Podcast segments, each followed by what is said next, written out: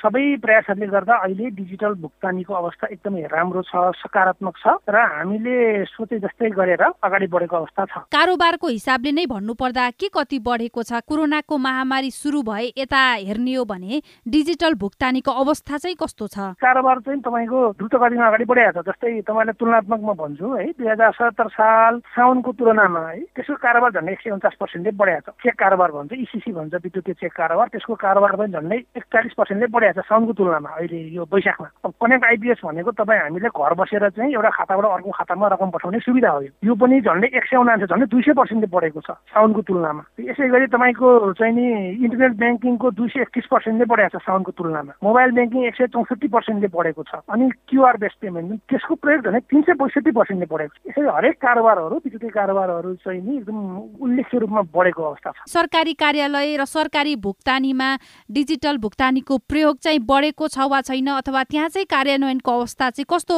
पाइरहनु भएको छ?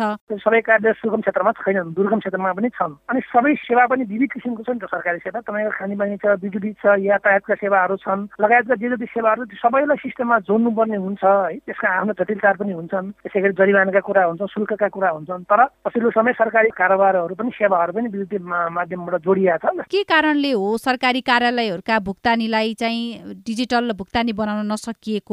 इन्टरनेटको पहुँचमा भएका कार्यालयहरूले पनि यसको प्रयोग बढाउन सकेका छैनन् अथवा यसको प्रयोग गर्न सकेका छैनन्। पूर्वाधार नभएर पनि हो है। दुर्गम क्षेत्रमा त पूर्वाधार नभएर पनि हो। जहाँ पूर्वाधार छ त्यहाँ चाहिँ तपाईँको चलाउने पक्षले पनि त्यो जानकारी नभएर जानकारी हुँदाहुँदै पनि चलाउन र चाहिँ डराएर भनौँ न नयाँ प्रविधि हुन्छ नि त नयाँ प्रविधि चलाउनको लागि सुरुमा केही समय सिक्नको लागि टाइम लाग्छ। अब हिजो प्रयोग गरेको नगद उहाँहरूले चिन्नु भएको छ नगद चिन्नुहुन्छ नगद चलाउन सजिलो छ। त्यो कारणले पनि उहाँहरू अब प्रयोग गर्ने बानी नभएर पनि हुन्छ है। त्यो सेवा प्रवाह गर्नको लागि चाहिँ हाम्रो जुन डेटा तथ्याङ्क हुन्छ त्यो सबै डिजिटाइज गर्नुपर्छ क्या। त्यसलाई चाहिँ डिजिटाइज डिजिटल फर्ममा लानुपर्छ। हामीसँग सरकारी कार्यालय भएको तथ्याङ्कलाई चाहिँ तपाईँले मालपतमा तपाईँले शुल्क तिर्नुपर्छ अथवा तपाईँको यातायातको तपाईँको लाइसेन्सको शुल्क तिर्नको लागि त ती सबै जुन यातायात मालपोतका अथवा चाहिँ यातायातको तथ्याङ्कलाई डिजिटाइज गर्नु पर्यो नि त पहिले। त्यो हजारौँ लाखौँ व्यक्तिको त्यो तथ्याङ्कलाई डिजिटाइज गर्न पनि टाइम लाग्छ। खास गरेर यो डिजिटल भुक्तानी मार्फत चाहिँ कतिसम्मको कारोबार गर्न सकिन्छ? के छ यसमा व्यवस्था? अहिले तपाईँको मोबाइल ब्याङ्क प्रयोग गरेर तपाईँ भुक्तानी गर्नुहुन्छ भने एक दिनमा दुई लाखसम्म गर्न सक्नुहुन्छ। त्यसै गरी घरमा इन्टरनेट छ कम्प्युटर छ भने इन्टरनेट ब्याङ्क प्रयोग गरेर तपाईँले बिस लाखसम्म दिनमा भुक्तानी गर्न सक्नुहुन्छ।